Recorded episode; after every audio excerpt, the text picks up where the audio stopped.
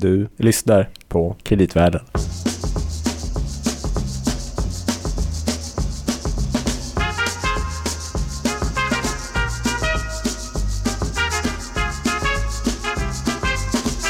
Välkommen alltså till Kreditvärlden, din fasta hamn i finansmarknadernas vågor. Dock är vi just nu eh, i ett väldigt somrigt Stockholm med som alltid Louis Landeman. och Gabriel. Bergin. Det är alltså vi två som eh, brukar vara med i Kreditvärlden och vi jobbar båda två på Danske Bank Markets i Stockholm på kreditmarknaden. Just det. Mm. Förra eh, gången Gabriel, då Mm. pratade vi ju om inflation. Ja, Det var ganska intressant. det var det. Då hade vi med oss Roger va? Just det. Chefsekonom på Danske Ja, Bank. Det Lyssna gärna på det. att eh, inflation var en ganska viktig grej.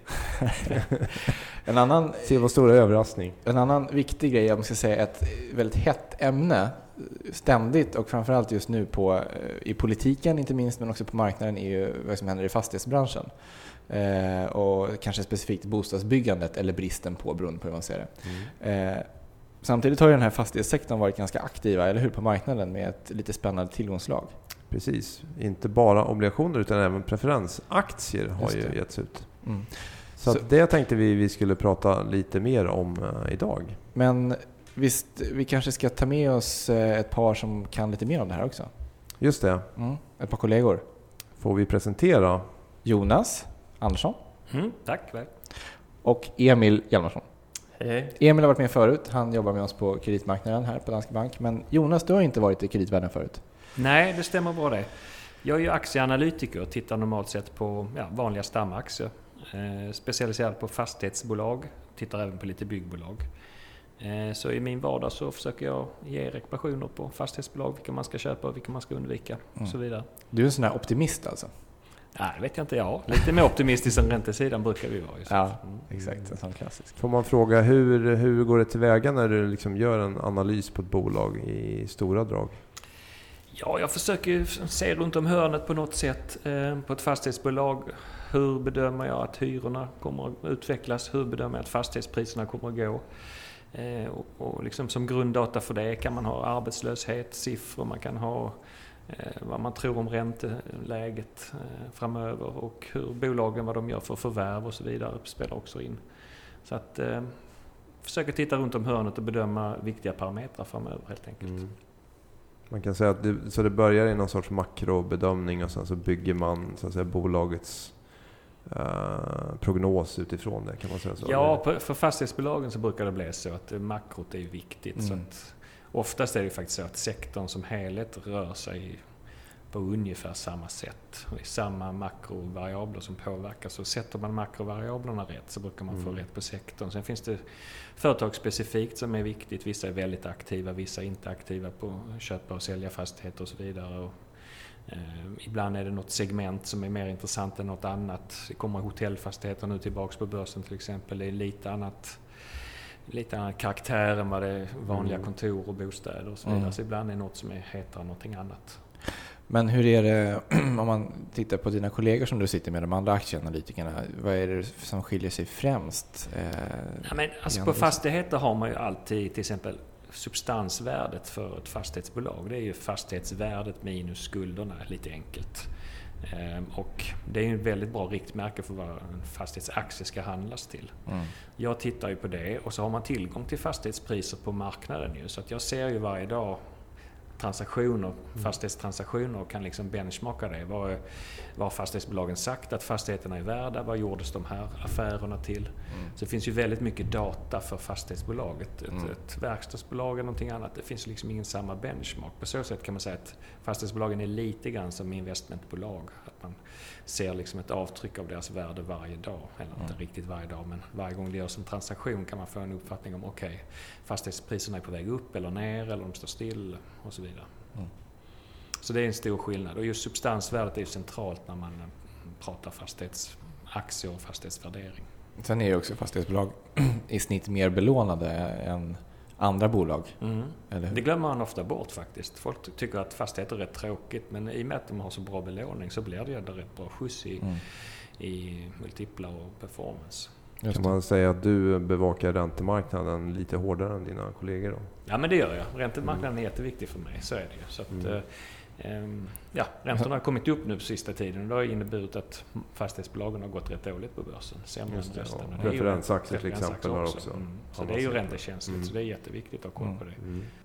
Då vänder vi oss till Emil. Ja, det är ganska intressant om man tittar på eh, lite skillnader mellan hur, hur en aktieanalytiker och en, eh, en kreditanalytiker tittar på, på de här bolagen. Och det som jag kanske direkt slås av är att vi tar kanske en lite mer holistisk vy eh, och kanske en mer, ja, i vanlig ordning då en nedside, nedsidevy. Mm. Så mm, om man säger rent generellt skulle jag kunna säga att vi tittar mer på vad för typ av fastigheter man har eh, jämfört med andra bolag då. Och vilka som står sig bättre i en ekonomisk svag situation.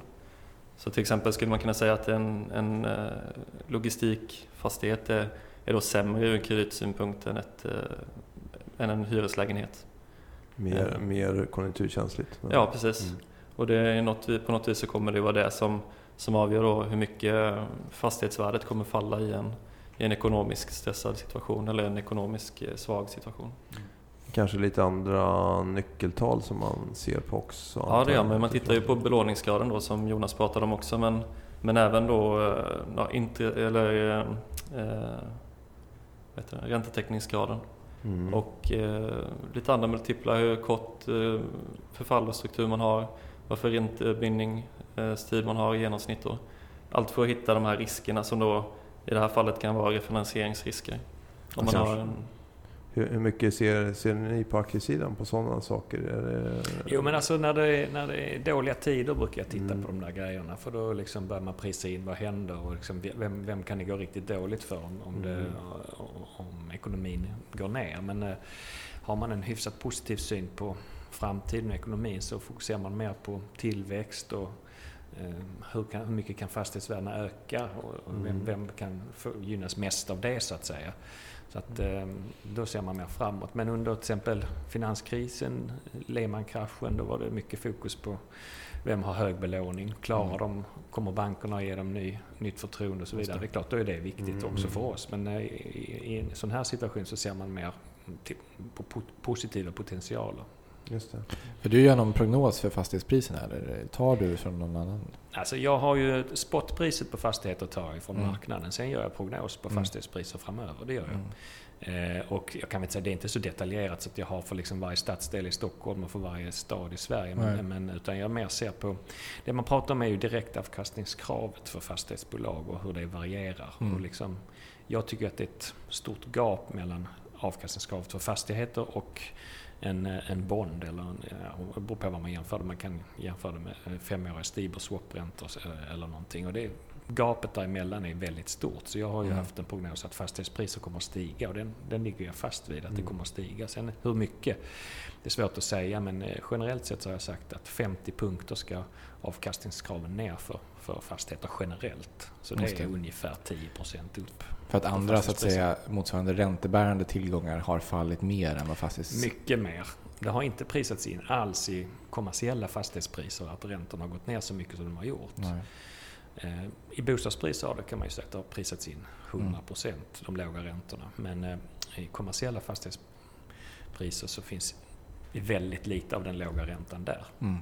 För här kommer vi in på en ganska intressant sak. Vi ska väl jämföra lite senare här eh, hur eh, liksom avkastning kan se ut till exempel på en preferensaktie och en obligation. Men eh, våra två tillgångsslag tangerar ju varandra här lite när man börjar tranchera balansräkningen och bolagen börjar då ge ut fast preferensaktier. Så vi kanske ska prata lite grann om hur, hur ser liksom en, en typisk balansräkning ut för ett fastighetsbolag? Mm. Jag kan, ja, precis, jag kan säga några ord om det. Mm. Men, eh, eh man har ju mycket banklån för det mesta. Mm. Jag menar en belåningsgrad eh, på 60 procent är inte ovanligt. Mellan 50 och 60, kanske upp till 65 procent mm. eh, i banklån eller obligationer. Lite beroende på vilken, vilken tillgång, vilken typ av fastighet ja, man har kanske. Hur precis. Kan man ha, bostäder kan man belåna sig lite mer kanske. Mm, precis. Eh, precis, bostäder kan man, eh, säkrare tillgång kan man belåna sig Mm. mer. Sen så det nya då, eh, ja Emil du kan väl prata mer om man kan transcha upp eh, själv, själva obligationerna? Ja, det finns också. ju så att säga säkerställda obligationer och icke säkerställda obligationer där också.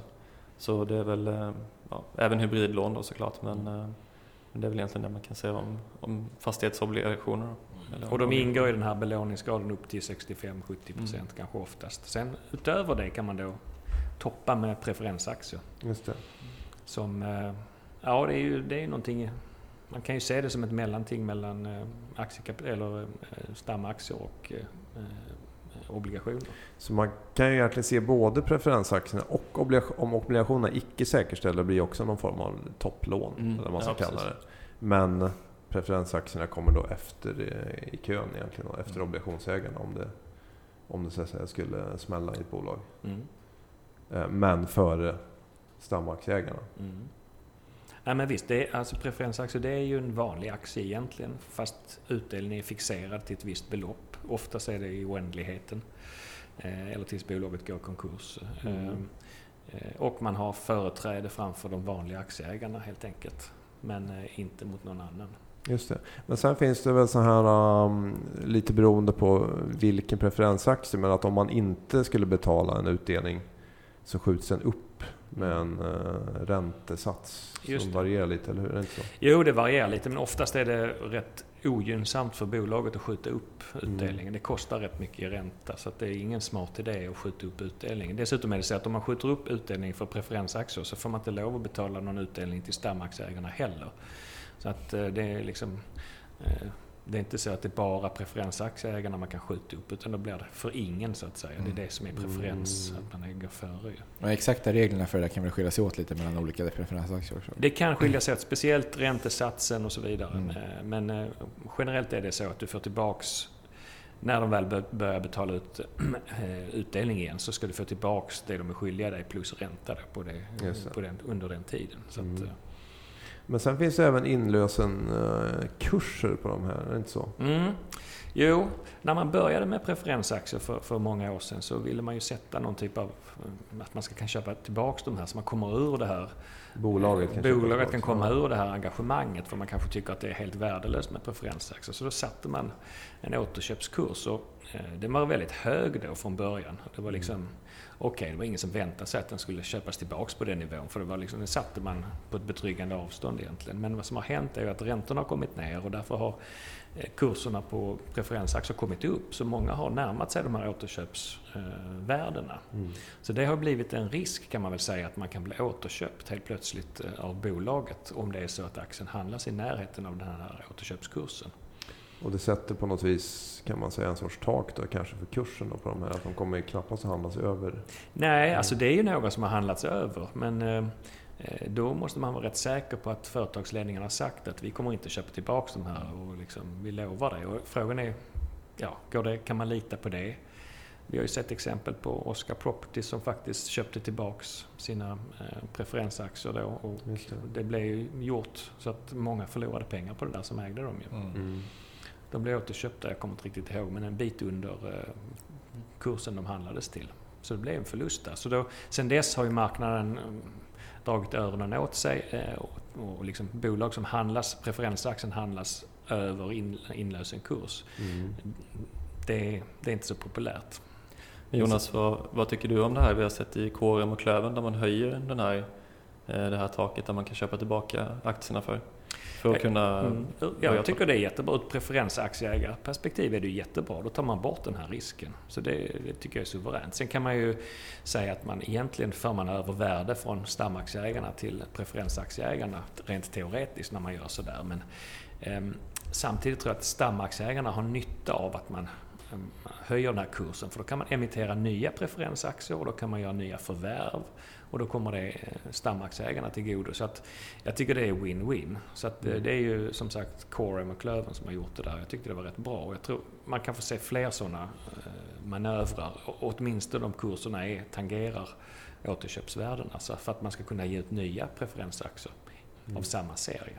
Kan man säga, är det ofta lite tillväxtorienterade bolag som ger ut de här preferensaktierna? Jo, men det är det. Det är- bara därför man gör det. Man vill växa. Från början var det väl att man liksom sökte någon typ av diversifiering och ersättning till bankfinansiering för att kanske Mm. att belåningsgraderna kom ner. Så vill man ha, men nu, nu det, det man ser nu det är ju att det är tillväxt. Så istället, man kan säga så här, istället för att ge ut stamaktier och spä, spä ut stamaktieägarna så ger man ut preferensaktier. Så får man en större utväxling för Och då, stamaktieägarna. då kanske det är bolag som har en huvudägare som är ganska dominerande som inte vill bli utspädd. Precis, Eller? så kan det vara. Men även för andra bolag. Kungsleden har ju sagt att man kanske eventuellt, att man tittar på det här eh, med, med preferensaktier. Så att, eh, Mm. ja, de har också en huvudägare men inte så dominerande som i de övriga Mm. bolagen. ju. Mm. Men de här, man kan också säga att de här preferensaktierna de är ganska räntekänsliga. Att när, eh, som nu, ränt, eh, man börjar förvänta att räntan ska gå upp så har de fallit. Så det finns en kurs. Ja, nej, men visst är de räntekänsliga. I och med att det, det är oändlig duration på de här Mm. så är det ju, då är de ju känsliga för, för räntan. Eh, Men lite av min poäng har varit att varken för fastighetsbolagen, stamaktierna eller för preferensaktierna så har ju marknaden diskonterat in den låga räntan fullt ut. Så det fin- Mm. Jag tycker det finns lite kudde för räntorna att gå upp utan att det ska påverka allt för mycket. Mm, faktiskt. mm, mm. Nu har vi sett att det har gjort det ändå, men jag tycker lite, lite eh, överreaktion är det. Mm. Jag tänkte vi kan komma tillbaka till hur mycket vad man kan få på så här. Men eh, om vi bara tittar lite, jag tänkte lite snabbt bara på volymer. Eh, vi kan ju börja med obligationer. Så har ju fastighetssektorn varit rätt aktiv på marknaden även i år, är det inte så Emil? Jo, det, det har den absolut varit. Och det är väl, eh, jag tittade lite snabbt här på, på hur mycket som emitterats i, i för, företagsobligationsmarknaden då, som är i fastighetsbolag. Eh, och från under 2015 här har vi 44 procent av transaktionerna som är inom då, om man säger corporate-sektorn, som är fastighetsrelaterat. Så att, vad du säger är att nästan hälften av hela precis, företagsobligationsmarknaden i år är, det är fastigheter? Det är fastigheter, ja. Och om man tittar i Det high yield, eh, i high yield då, så är det till och med upp mot 75 procent som, ut, som Okej. är eh, emitterat i high yield, eller i fastigheter. Ja, det är som gjort i så att säga, svenska kronor. På Ja, svenska Mm. kronor precis. Och så brukar vi klaga på att Norge har en eh, väldigt eh, stor sektorexponering mot Mot oljan. olja och gas. Vi har vår egna sektor Mm. Det stämmer. uppenbarligen. Ja. Ja, det är intressant. Mm.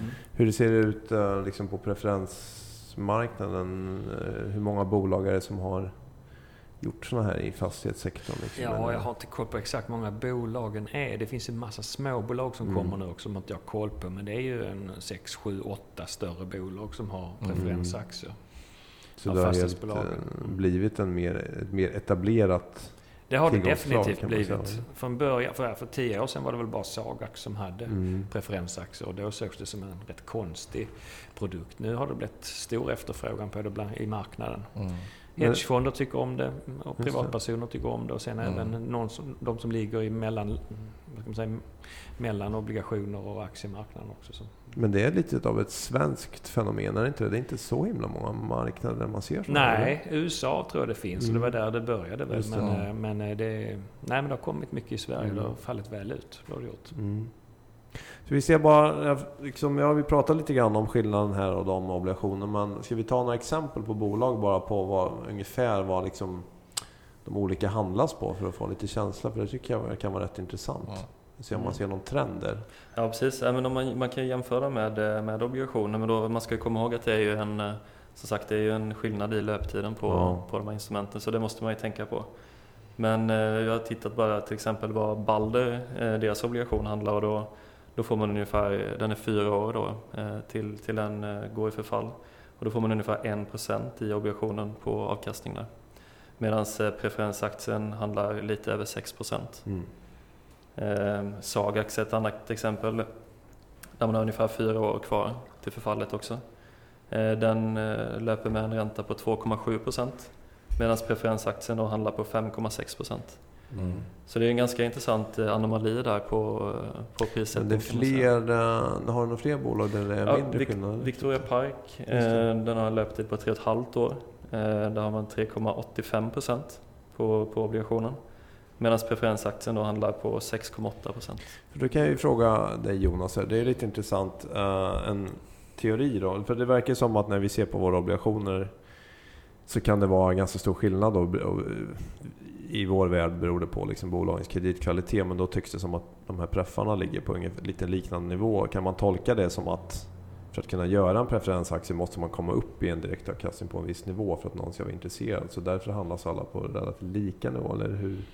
Ja, nej men kanske kan man resonera lite så. Men eh, de tenderar att handla till ungefär samma nivå. Men som, som sagt, på obligationsmarknaden prissätts, prissätts de helt olika. Mm. Jag tycker i vissa fall är det faktiskt så att preferensaktierna är felprissatta.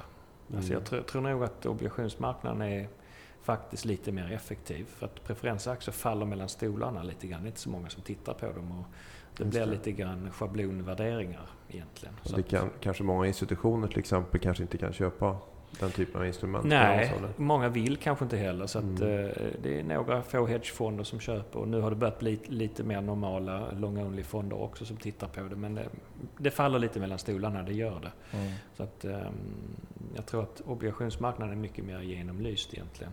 För det som ni är och fingrar på är ju att om man tittar på obligationsmarknaden så, så tyder ju de här alltså 1% på Balder medan 2, 2,7 procent på Sagax att mm. det finns en stor skillnad i kreditkvalitet. Att det är mm. större risk att ja, Sagax exakt. inte betalar Precis. tillbaka eh, på sina obligationer. Men mm.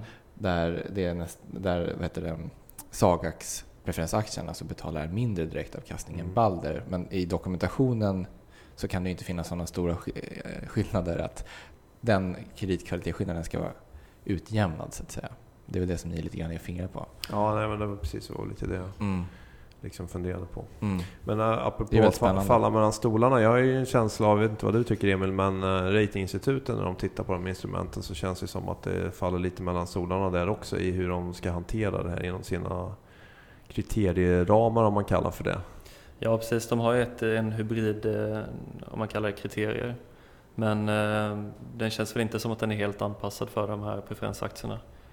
För hybrider är väl, alltså hybridobligationer eller hybrider är väl ett ganska vanligt tillgångslag i Europa av... till exempel för ja, andra icke-finansiella företag, eller hur? Ja, precis. Framförallt kanske då för energisektorn också som vi har sett Vattenfall mycket. har väl alltså. Och där har man då med anledning av det tagit fram kriterier för, man kan säga hybrider är en form av långa lån. Mm. Uh, som uh, medan de här preferensaktierna är ju faktiskt Ja, de är ju återköpsbara så att säga. Det är en väldigt viktig distinktion då. Mm. Och det, vi pratade lite om det Jonas, det kanske är lite förvånande om man eh, så att säga sitter på en, som en aktieanalytiker och att man ska tolka en preferensaktie som en viss andel eh, som skuld då helt enkelt. Eh, där man också får göra om kupongerna eller utdelningen som, som ränta istället då. Vi såg ett exempel här nu på när Akelius kom till och fick en publik rating. Eh, om man ratear de obligationerna så ser vi att man, man tar upp Akelius eh, preferensaktier som 50% eh, skuld och 50% eget kapital. Och så reklassificerar man då de här kupongbetalningarna eller ränteutdelningen som ränta istället. För att det, det, är faktiskt det är en intressant fråga till dig Jonas, inte kanske just om Akelius men generellt liksom med, om man pratar om det här att man gör 50% skuld, 50% eget kapital. Det som ratinginstituten skjuter in sig väldigt mycket på är just den här straffräntan som man pratar om att om du inte betalar en utdelning så blir det som en straffränta. Och då menar man på att eh, ja, men det gör ju att det finns ett väldigt starkt incitament för att man i det längsta kommer att fortsätta betala. Eh, då kan man i och för sig säga ja, uh, en vanlig aktie skulle man också kunna resonera att det kommer man också vänta in i det längsta med att inte betala en utdelning för att man vill liksom vara kvar på aktiemarknaden. Mm. Jag tycker det är jättekonstigt att man straffar det så mycket som man gör. Jag tycker i stort sett att allting ska vara eget kapital av en preffaktie. Mm. Jag, jag, ser på det så här, det här är eget kapital. Sen hur man sinsemellan inom aktieägarkollektivet har fördelat eller beslutat att fördela liksom utdelningen sinsemellan. Mm. Det behöver ju inte andra kreditgivare bry sig om. Liksom, eh, ja, det. det. är ju liksom, det är samma kaka som de här två preferensaktier stamaktien ska äta av. Sen hur man, hur man har fördelat liksom, vem som får mest och när, det är en annan sak. Men mm. liksom, för, ska man bara stå som utom, utomstående så är det, det är vanliga aktier och utdelning kan ställas in. Och den här mm. räntan man betalar extra, det är ju, det är ju någonting som eh, övriga stamaktieägare då får liksom lida av egentligen i första, i första hand. Mm. Så jag tycker att det mesta av en preffaktie ska vara som eget kapital faktiskt.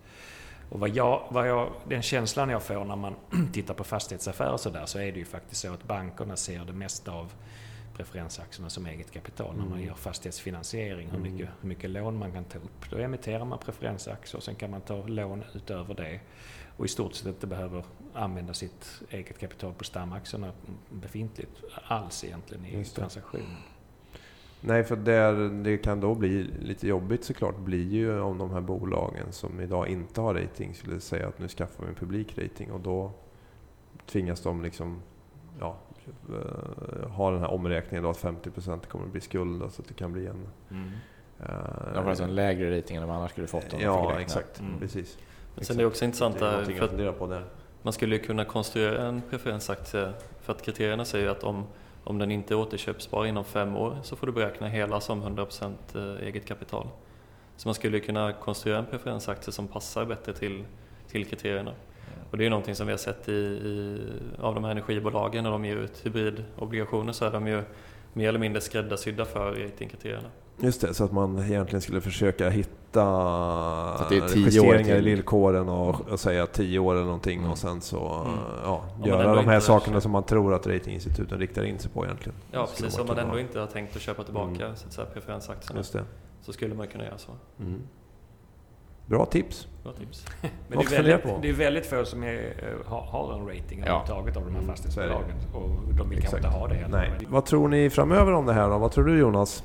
Eh, är det här en marknad som kommer att fortsätta växa? Det tror jag definitivt. Tror jag, jag, ja. tror att eh, fastighetsbolagen kommer fortsätta ge ut sådana här eh, preferensaktier. För att eh, många av dem vill växa och det är ett, det är ett bra komplement till att ge ut egna stamaktier faktiskt. Mm. Sen kanske vi kommer att få se emissioner av stamaktier också men, men jag tror preferensaktier kommer fortsätta. Det är en diversifiering också som liksom jag tror att de flesta känner sig rätt bra och trygga med. Just det. Men man ska göra sin, inte bara aktieanalys utan även kreditanalys då. Mm. Precis. Mm. Vad tror du då Emil, eh, obligationer? Känns det... Om obligationsemissioner kommer att Mm. fortsätta? Jo, Mm. men det tror jag. Det, det känns ju som att eh, det finns, en stor, eh, det finns en stor aptit på fastighetsbolagen och jag tror att de investerarna känner sig ganska bekväma med, med fastighetsbolag också. Det ser vi om inte minst, jag menar 50% av marknaden består av, av fastighetsemissioner och det, Mm. då tror jag att man, man är benägen att fylla på med det också när de här förfaller. Då. Mm.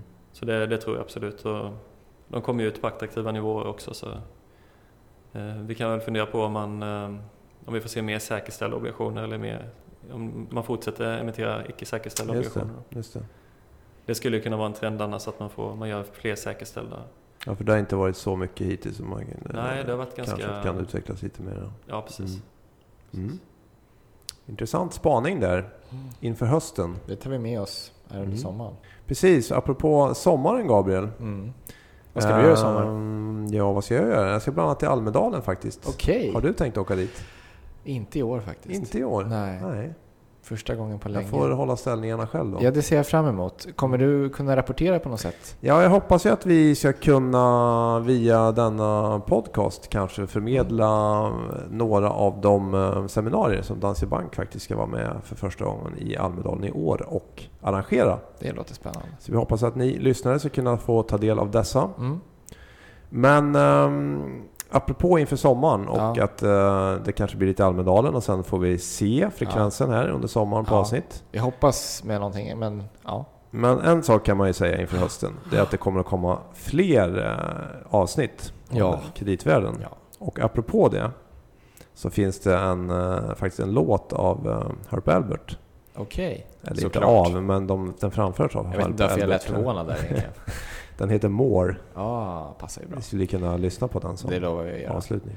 Eh, innan vi avslutar ska vi också bara passa på att säga att eftersom vi har pratat om lite bolag i det här avsnittet så i kreditvärlden innehåller ju inga investeringsrekommendationer eller förslag. Just det. Och med det så tackar vi väldigt mycket för Jonas och Emil för att ni kom hit. Eh, Stort tack. snacka lite med oss. Eh, och så får vi önska er trevlig sommar. Detsamma, detsamma. Tack detsamma. Och detsamma till alla lyssnare. Och på återhörande. Hej då! Hej.